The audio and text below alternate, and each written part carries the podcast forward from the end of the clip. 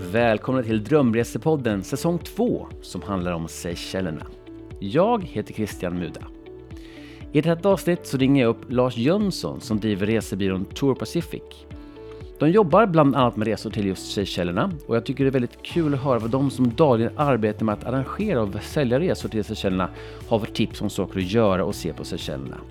Vilka frågor de får från kunderna och vad en resa via dem brukar kosta. Nu kör vi igång! Välkommen till Drömresepodden Lars Jönsson. Tack. Hej, vad kul att ha dig med.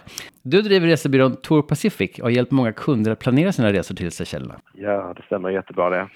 Mm, vad kul, vilket härligt jobb. Jag måste fråga dig först, vad tycker du är det bästa med Seychellerna? Ja, det jag brukar lyfta fram är eh, att man satsar väldigt mycket på hållbar turism och hållbart fiske. 50 eh, procent av landytan är skyddad nationalpark och många liknar resmålet vid Edens lustgård. Mm. Förutom att de har då vackra paradisständer och turkost hav och så vidare. Ehm, så Edens lustgård. Och um, när kunden kommer in till er och har en bild av Edens lustgård, vilka frågor brukar de ha om Seychellerna eh, inledningsvis? Många undrar om det är, är dyrt att resa dit, när är bästa tidningen att, att resa, Eh, hur lägger man upp en resa och så vidare. Så att de vanliga frågorna som gäller de flesta resmål. Mm. Om, om vi skulle ta de frågorna eh, och börja med dem. Hur dyrt är det att resa till Seychellerna om man gör det via er? Ja, oavsett vem man, vem man gör det via så är det ett dyrt resmål. Det ligger mitt ute i Indiska oceanen och eh, mycket av det som förbrukas i mat och dryckesväg är ju importerat och det är ett ganska litet land. Så resmålet är dyrt och man vänder sig till stora delar kanske till ett lite mer välbärgat eh, kundunderlag. Mm. Och vad innebär det? Om man, om man liksom vill veta ungefär vad kostar en, en resa för två personer eh, tio dagar till Seychellerna? Ja, det, allting beror på hur mycket man väljer då att inkludera i resan och vilken, vilken standard på hotellet. Ska man ha frukost eller helpension och så vidare? Så det är klart att alla de bitarna eh, påverkar priset och även om man väljer att kombinera olika öar så ska man ta sig emellan med båt, med inrikesflyg och så vidare så att det adderar på priset. Men vi brukar räkna med 40-50 000 kronor per person och uppåt. Mm, mm. Uh, och uh, tittar man på en flygbiljett idag så ligger den på någonstans mellan 10 12 000 kronor i ekonomiklass från Stockholm. Och reser man ifrån Köpenhamn så, så kostar det ungefär 50% mer och det beror mycket på uh, kronans värde.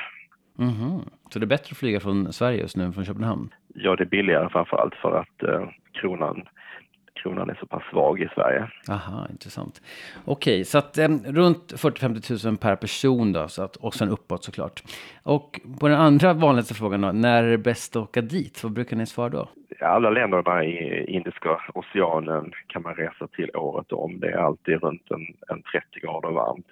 Men tittar man på nederbörd och så vidare så, så regnar det lite mer under december till februari månad.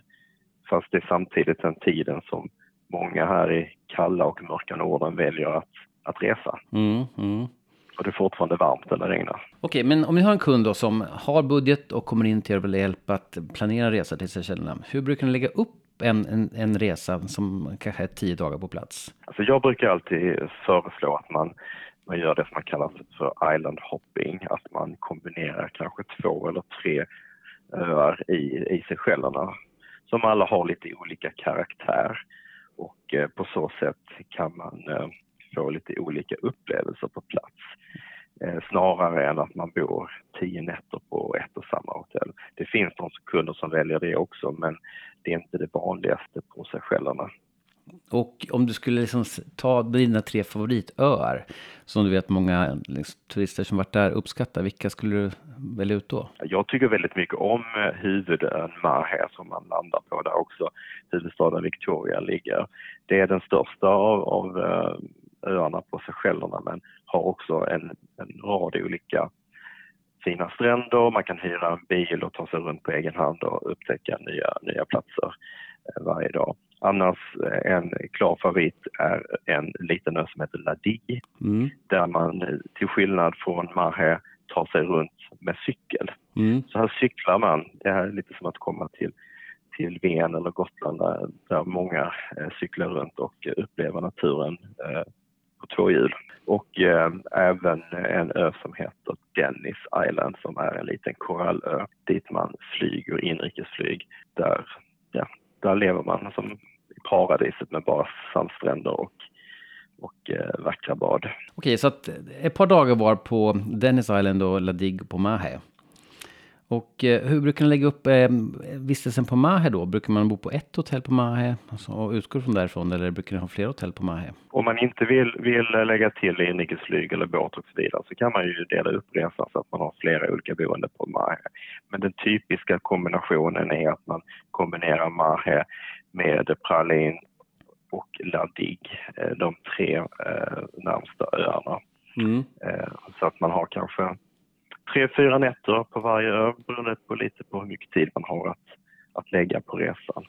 Och däremellan så, så förbokar vi då båttransporter eller inrikesflyg eller vad man nu behöver för att ta sig vidare till nästa så att allting är ordnat på plats innan man kommer. Just det, och om man, om man vill ha tips på saker att göra på, på öarna, brukar ni också liksom planera in restaurangbesök och andra typer av aktiviteter? Eller brukar man eh, mest få hjälp med hotell och eh, flyg och båtbokningar? Alltså, det är lite utifrån vad kunden själv vill. En del gillar att upptäcka saker på egen hand men vi delar givetvis med oss av våra tips och eh, erfarenheter från, från resmålet och eh, bokar in till exempel utflykter eller man besöker närliggande öar där de har till exempel stora landsköldpaddor och eh, på ön eh, Palän så finns en nationalpark som heter Valle de May mm. som, som är eh, skyddad av Unesco och där kan man med fördel vandra runt några timmar och de har den här berömda stora nöten, dubbelnöten som heter Coco de Mer som bara finns på Seychellerna. Mm. Så den är också värd att se på. Absolut. Och eh, om man kommer till Ladig då brukar ni ordna aktiviteter där också? Eh, guidade tur och så vidare. Eller brukar man folk där mest cykla runt på egen hand? Så då, om man inte bor på ön, då kan man ju bo på grannön eh, Pralän och sen tar man båten dit och hyr en cykel över dagen och sen tar man sig till, tillbaka. Eh, och, för det är en ganska liten ö, Ladig, och det finns inte så mycket boende och det är oftast fullbokat. Och, så att, men har man turen att kunna förboka Eh, hotellrum. Så de flesta hotellen eh, inkluderar eh, gratis eh, cykel så att man kan upptäcka en ny, ny strand varje dag. Mm. Så där är man på egen hand med cykel. Och på Praland då brukar ni också liksom hjälpa till att planera en vistelse på Praland eller är det också lite grann på egen hand? Det är både och hur, hur pass aktiv man vill vara. Många kunder eh, vill ju kanske strosa längs med stranden och eh, bara ta det lugnt och kanske inte fylla varje dag med aktiviteter. Men med vår eh, lokala partner på plats så kan vi ordna olika utflykter, snorklingsturer och besöka olika närbelägna öar och så vidare. Så att, eh, men vår erfarenhet är att många eh, väljer att göra aktiviteterna på hotellet. Mm, förstår. Och sen en utflykt till nationalparken till exempel. Exakt. Um, och på Mahe då, det är ju liksom huvudön dit de flesta kommer att tillbringa några dagar i alla fall. Vilka är de mest populära aktiviteter att göra där som ni brukar hjälpa till med? Jag har redan nämnt att man kan hyra bil och eh, det är ganska vanligt. Mm. Eh, de flesta kunder brukar också inkludera ett besök i eh, huvudstaden Victoria som har en botanisk trädgård som är väldigt väl besökt och uppskattad.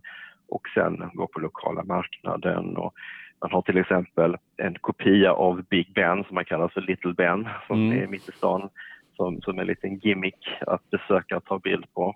En annan sak på, på Mahe och till, till viss del på, på Pralän är att vi även föreslår att man kan testa att åka med lokalbussen. Man behöver inte ha en, en förbokad utflykt utan man kan hoppa på lokalbussen och betala eh, några, några dollar och eh, sedan ta sig till olika ställen. Ja men det är smart tips. Eh, är det andra sådana smarta små tips som man kanske liksom inte vet när man åker till Seychellerna första gången som ni kan skicka med eh, de som åker dit?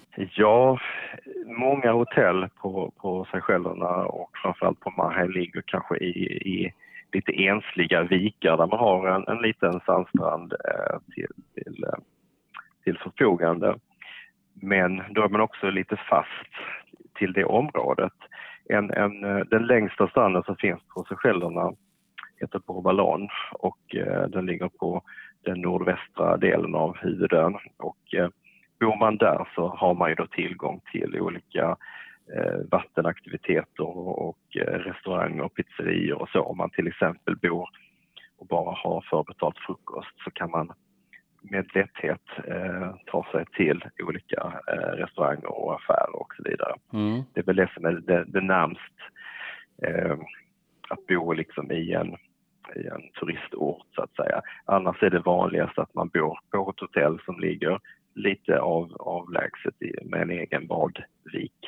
Just det, och då har man kanske någon form av halvpension på det hotellet om man bor så avlägset. Ja, det rekommenderar vi. Och om man då tänker sig, ja, jag vill åka till Seychellerna. Vad tycker du är fördelen med att boka via en resebyrå som ni är kontra att boka allting själv? Alltså framförallt så är man trygg och säker om man bokar av en svensk svensk resebyrå som har betalat in eh, då resegarantier och, och den biten. Så att om någonting händer på resan så, eh, så hjälper resebyrån till och skulle någon av, av eh, hotellen eller någon annan stänga eller gå konkurs så hjälper ju resebyrån till att boka ett alternativ så att man, man har en trygg semester och kan bara fokusera på, på att ha det bra.